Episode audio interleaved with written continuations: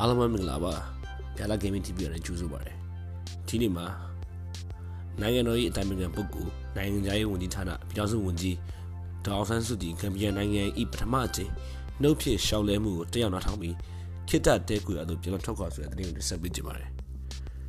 ဂမ်ဘီယာနိုင်ငံကမြန်မာနိုင်ငံကိုပြည်ပြည်ဆိုင်ရာတရားရုံး ICJ မှာဆွဲဆိုထားတဲ့အမှုကိစ္စကိုဒီနေ့ဒီဇင်ဘာ10ရက်ဒေသစံတော်ချိန်နနက်10:00နာရီ မြန်မာစံတော်ချိန်ညနေ3:00နာရီခွဲအချိန်မှာစတင်စစ်ဆေးပြီးတော့ဂမ်ဘီယာနိုင်ငံဘက်ကနေပထမအကြိမ်ရှောက်လဲခြင်းကိုနိုင်ငံတော်အတိုင်းအမြံပုဂ္ဂိုလ်နိုင်ငံသားရေးဝန်ကြီးဌာနပြောင်းစုဝန်ကြီးဒေါ်အောင်ဆန်းစုကြည်နဲ့မြန်မာကိုယ်စားလှယ်အဖွဲ့ကတက်ရောက်နားထောင်ခဲ့ပြီးတော့ဒေသစံတော်ချိန်မွန်းလယ်တနာရီ15မိနစ်မြန်မာစံတော်ချိန်ညနေ6:45မိနစ်မှာခိတ္တတဲခူရတို့ပြန်လည်ထွက်ခွာသွားခဲ့တယ်လို့တင်ရရှိပါတယ်ခင်ဗျာ